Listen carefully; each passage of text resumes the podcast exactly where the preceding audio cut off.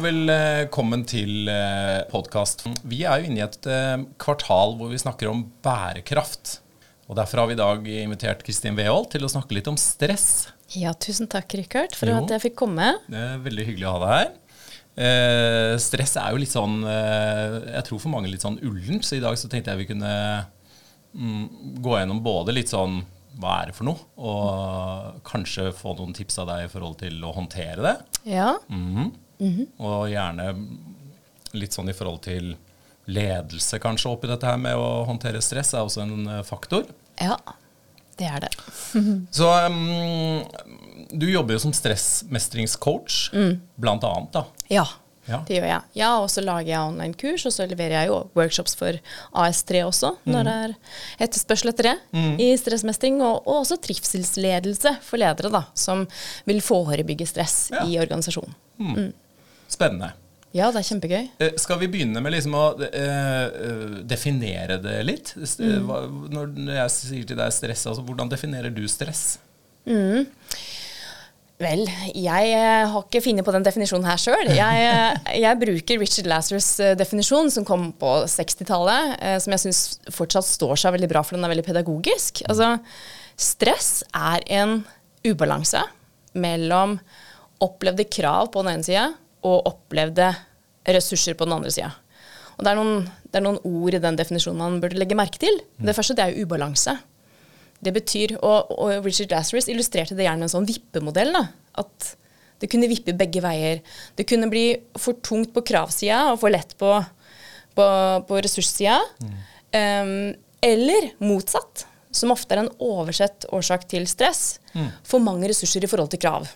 Det blir for, for eh, lett på Hva skal jeg si?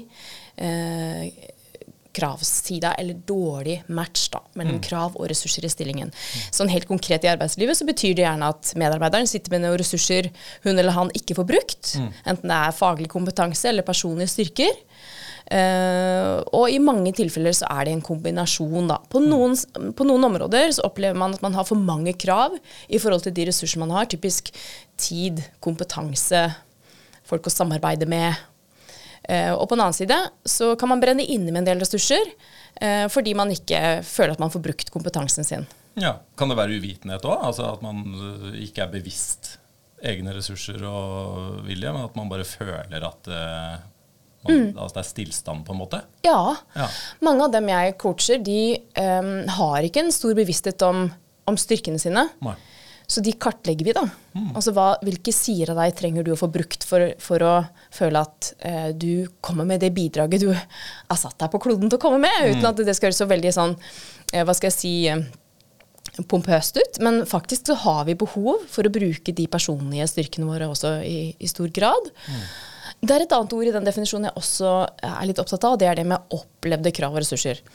Det er din subjektive vurdering, din spontane vurdering av krav versus ressurser, som eh, har, har betydning. Sånn at når to medarbeidere da, med lik stilling har en helt ulik opplevelse av krav og ressurser i jobben, så kan den ene da altså oppleve stress, og den andre ikke gjør det. Både fordi de antagelig har flere u, ulike forutsetninger for å gjøre, gjøre jobben som ikke er åpenbare, men også fordi at de har ulik vurdering av ressurser og krav i stillingen. Så det er en subjektiv eh, erfaring, altså satt på spissen. Det handler ikke så mye om hvordan du har det, men hvordan du tar det. Og det kan være provoserende å høre. Eh, jeg husker at jeg tenkte ja, men det må jo da finnes objektive grunner til at jeg føler som jeg føler. Og det finnes definitivt årsaker til stress i arbeidslivet som vi ser i forskningen er typiske årsaker som mange opplever som stressende. Eh, men det handler også om at du har langt større påvirkningskraft enn du ofte tror når det gjelder ressurstilgang og innvirkning på krava. Og det er en del av jobben når man jobber med stressmestring og coaching. At ok, men hvilke krav er det som skaper stress for deg, og har du innflytelse på de kravene? Hvilke ressurser har du til rådighet? Har du flere ressurser enn du tror? Både i deg selv og i dine omgivelser. Så det er en del av jobben. Ja, å kartlegge det. Ja, spennende. Men eh, det, er- noen trives jo med høyt tempo og stress òg. Eller altså, det er kanskje feil å definere det som stress, da, men det er jag. Ja, men der, der setter du egentlig ord på noe viktig. Stress, det er jo ikke farlig i seg sjøl. Ja. Stress, den, den evnen vi har til å oppleve stress, altså den stressresponsen i kroppen, for å bli litt sånn teknisk på det, uh, den trenger vi jo. Mm. Det er stressresponsen som gjør at du klarer å holde det skumle foredraget for 300 tilskuere selv om du er kjempenervøs. Det er, det er det som gjør at du klarer å gjennomføre arbeidsdagen din selv om du ikke har sovet om natta. Det er det er stressresponsen som gjør at du kan løpe fra en lommetyv i Roma. Liksom. Vi, vi, trenger den, og biologisk sett så, så skal vi være glad for at vi har den. Mm. Det er når stresset blir langvarig eller kronisk mm. at det får negative konsekvenser. Mm. Litt stress i hverdagen er ikke farlig, og det er jeg veldig opptatt av å kommunisere, fordi eh, når du leser om stress i media, så framstilles det jo ofte som den nye folkesjukdommen. Mm. Og det skaper bare mer stress å tenke at stress er farlig. Mm. Stress er ikke farlig så lenge det ikke varer over tid. Vi trenger evnen til å føle stress. Mm. Og med det så er det jo sånn at mange trives jo med høyt tempo, at det skummer for baugen, at de får brukt ressursene sine. Det er ikke noe usunt over det så lenge de får restitusjon. Ja, riktig. Mm. Og det er det kanskje ikke alle som er så flinke til å skape seg, da, akkurat det rommet der for restitusjon. Nettopp. De kjenner ikke helt når eh, det er nok. Uh, og så er det det at uh, det å prestere det er faktisk en viktig del av trivsel. Altså Vi ser på det i den positive psykologien, at achievement A i et begrep som heter parma. Masse teori her. Men um, det å mestre for mestringens egen skyld er en av de fem pilarene i trivselsbegrepet i henhold til den positive psykologien. Mm. Mm. Så det, det, er jeg også litt opptatt av. Jeg møter mange coaching som um, trives med å prestere på høyt nivå. Og det er ikke noe sånn nødvendigvis flink pike eller flink gutt over det. Altså det, er, det er sunt, men man må kjenne når det er nok. Da, mm. da må man begynne å legge merke til noen tegn her, mm, mm. når stress har vart litt for lenge. Mm. mm. Litt sånn uh, fra hofta her nå, men jeg ja. opplever at, uh, at uh, mange organisasjoner jeg snakker med, rapporterer mer om dette nå enn før. Mm. Er, det, er, det, er, du enig i det? Merker du også det, eller er det, er det noe, et tegn i tiden? Um, jeg vet jeg, jeg, jeg, har litt sånn motstand i meg mot å gjette. Mm. Uh, fordi jeg tror jo at uh, samfunnet har større fokus på stress nå enn før, og at det har blitt mer uh, stuereint å snakke om det. Men eh, jo, jeg tror det er noe med livsstilen vår. Eh, F.eks. det smarttelefoner har bidratt med, at vi, har, vi lever i en veldig sånn distrahert tid. Det er vanskelig å finne arbeidsro. Det er vanskelig å komme inn i såkalt eh, flytsone. Eh, fordi det er så mange avbrytelser, og det går utover trivselen vår og mestringsfølelsen vår.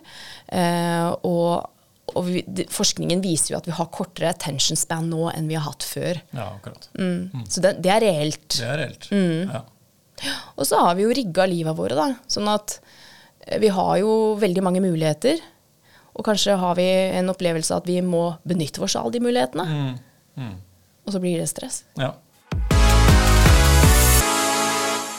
Ofte når jeg snakker med organisasjoner der ute, så uh, disk diskuterer dette med stress. Og mm. det er ofte en antagelse uh, fra kanskje særlig HR da, om at her har vi en, uh, en, en stressituasjon Uh, og hvordan eh, skal man håndtere det. Og da hadde jeg lyst til å spørre deg litt om dette med uh, symptomer på stress. Mm. Altså det, hvordan kan man uh, kjenne igjen dette? Mm. Det er jo en kjempeviktig dimensjon ved stressmestring, tenker jeg da. Um, bare det at vi kaller det symptomer, uh, syns jeg også er interessant. Uh, jeg kaller det med vilje tegn, fordi ja. at jeg ser jo ikke på tegn på stress nødvendigvis som noe usunt eller og symptomer det tenker jeg er liksom sykdomsrelatert. Mm. Men de tegna vi kan legge merke til, da, sånn når du eh, Vi bruker gjerne en sånn trafikklysmodell, eller i AS3 eh, grønn, gul og rød sone. Og når du er i grønn sone, så er det uttrykk for trivsel. Her har du høy grad av jobbengasjement. Du har flyt i jobben din, eller altså flow, eller du er i flytsona. Det er en ideell balanse mellom ressurser og krav, for å trekke det tilbake til Richard Lazarus' definisjon på stress. Mm. Så her kjenner du arbeidsglede. Du får eh, bruke ressursene dine, og det er sånn kick, energi. Du får energi i oppgavene dine. Så du merker det i kroppen, at du får økt energi. Og du um, kjenner psykologisk at du trives med det. Eh, så det er jo de positive tegna, da. Men hvis du har mye av det stresset, for det er en liten stressrespons på um, det, Vi må strekke oss litt når vi er der i flytsona. Hvis den får stå på veldig lenge uten at du får hvile, da, så kan det bli gult lys eller gul sone. Og da begynner det å opptre noen tegn. Og det første man gjerne legger merke til, det er at man kanskje blir litt eh, Mister litt overblikk på oppgaver. Eh, man kan bli litt mer bekymra enn man pleier å bli. Eh, og man kan eh, bli litt dårlig til å prioritere, gjøre noen småfeil i jobben sin. Kanskje begynne å sove dårligere. Slite med innsovning eller våkne underveis om natta, og man pleide ikke det før. Altså det at det skjer en endring, det er det som du må legge merke til. For det finnes jo ikke noe uttømmende liste over stresstegn. Eh, nei, det er ikke det. Altså, det er litt individuelt, så du må, du må lære å se dine egne tegn. Ja. Um, og så er det sånn musklene begynner å bli stive. Da, sant? Stiv nakke, skuldre, um, hender og, og hofter. Um, det er typiske steder hvor stress kan sette seg. mm, og mye vondt i magen og hodet er også et, eh, et tegn på stress. Da. Ja. Uh, og så hvis det her skrur seg til Jo, og, og en annen ting, da. Søvn er jo, Mangel på søvn er jo noe som kan forsterke stress. Og det samme, det kan isolering. Altså at du kjenner at nei, nå har ikke jeg tid til å gå til kantina og spise lunsj. Jeg spiser lunsjen på pulten, og jeg har ikke tid til å møte venner. Eh, for jeg har ikke akkurat noe å gi nå. Altså den type isolasjon kan forsterke stress. Så det er litt sånn negativ spiral man kan komme inn i da, når de, de tegna begynner å vise seg. Og hvis det her får stå på riktig lenge, så blir det jo rødt lys, eller man havner i rød sone. Da. Og da, har de, da kan du tenke deg hvordan det blir når de får sette på for lenge de her tegna. At man begynner å få infeksjoner. Stadig hyppige forkjølelser, eksem, typiske betennelsessituasjoner i kroppen. Eh, psykisk så kan man legge merke til at man er pessimistisk og nedstemt og, eller aggressiv. Mm, man kan legge merke til at man blir liksom forvirra og hektisk i kommunikasjon og havner fort i konflikter og gjør større feil i jobben. Og man opplever ofte at man driver med brannslukking helt til det går til liksom fysiske og psykiske sammenbrudd, og da er vi liksom helt ytterst. Og når det blir rødt lys, når du legger merke til de tegna, da er det overhengende fare for sykefravær. Altså da må du stoppe. Så ideelt sett så skal du ta grep når du er på gult lys, og det er helt normalt å pendle innom gult lys av og til. Så ikke bli redd for det, men rødt lys, der er det der må det tiltak inn, altså. Ja, akkurat. Eh, Er det mulig eh, altså En ting er jo egne At man kjenner på seg sjøl, og at man begynner å bli visst det du sier med soving. og alt mulig sånt. Det er jo mange av de tingene du sier nå som man ikke nødvendigvis deler så veldig på kontoret, kanskje. Ja. Eh, men som, som leder, da, eller arbeidsgiver, hvordan, kan vi, hvordan er det vi kan være obs på å eh, legge merke til eh, ting underveis der, for å liksom forebygge det litt? Jeg var jo inne på dette her med litt sånn atferdsendring. altså Man ser at det, en medarbeider ikke er, er helt seg sjøl, eller det er noe man stusser ved. Det første du kan gjøre, det er jo å si hva du har lagt merke til. Så jeg, legger merke til at du har kommet for, for seint noen dager og sagt at du har sovet dårlig. Eh, jeg legger også merke til at du gjorde en feil i den rapporten, og det, det pleier jo ikke du å gjøre. Eh, og så hørte jeg at du blei veldig irritert på Britt. Uh, hvordan har du det egentlig? Altså, Bare pek på det du har observert, og kanskje er det ikke stress det er snakk om, men da har de i hvert fall åpna døra for at her er det helt ok å ta en samtale og si 'jeg bryr meg om deg', mm. jeg vil bare sjekke at alt er ok', fordi eh, jeg får en fornemmelse at kanskje du har for mye å gjøre, og at vi burde snakke om arbeidsmengden din, eller hva, hva, hva står på. Bare sånn genuin nysgjerrighet. Ja, For den røde sonen må vi liksom unngå. Ja. Ja. Ja, det, det, det kan du si. Og så er det mange som klarer å skjule det. Eller en, det krever at en leder er til stede sant? og kjenner medarbeiderne sine godt for å kunne se at her er det en atferdsendring. Eh, og så er det jo også veldig fint om lederen setter seg inn i de typiske tegnene på stress. da, sant? Altså, Vet det at oi, når du har en medarbeider som er snappish på kollegaene sine, og som plutselig begynner å gjøre feil, det er ofte et tegn på stress. Så at man gjør seg litt kjent med de tegna, det er jo en fordel. Mm. Jeg liker det der du, når du var innom i sted som nevnte dette med trivsel. Mm. Ikke sant? Mistrivs, mistrivsel, motarbeidende mistrivsel. Ja. For det med, dette henger jo litt sammen med Eller ikke litt sammen, henger veldig sammen med trivsel på arbeidsplassen. Og der er det jo det, det, sånn rundt dette med ansvaret for den trivselen. Mm. Ja. Og det, det også er en sånn eh, ting som jeg tror mange ledere ville ha tatt tak i hvis de visste hva ansvaret faktisk gikk ut på. Fordi vi har jo noen medarbeidere som blir sendt i coaching uten at man ser på det i et større perspektiv. Eh, Men det er faktisk en hel organisasjons ansvar å ta vare på trivselen. Og hva betyr det helt konkret? Jo, den enkelte medarbeider har jo, behov, eh, har jo et ansvar for å si ifra om at nå trenger jeg hjelp til å prioritere, eller nå opplever jeg mye stress i jobben min. Det er ikke alltid så lett, men man må jo gjøre det man kan for å skape en kultur hvor det er trygt. Da.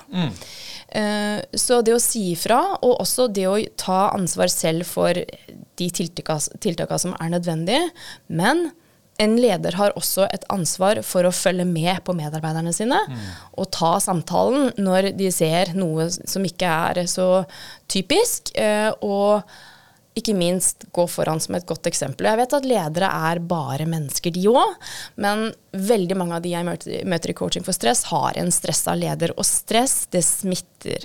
Og som leder så er du kulturbærer.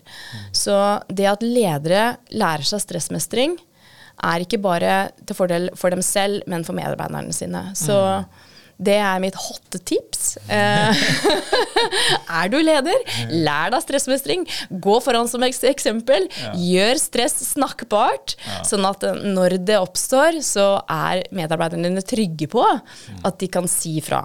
Og som kollega så har vi også ansvar for å, for å nettopp det der å, å ta opp med den vi ser kanskje er på randa. Altså, ok, jeg, jeg la merke til dette. Hvordan har du det? Um, og avlaste medarbeideren, og i det hele tatt uh, samarbeide godt. Og så har jo da HR og verneombud og AMU de har jo ansvar for de mer sånn strukturelle tiltakene for trivsel.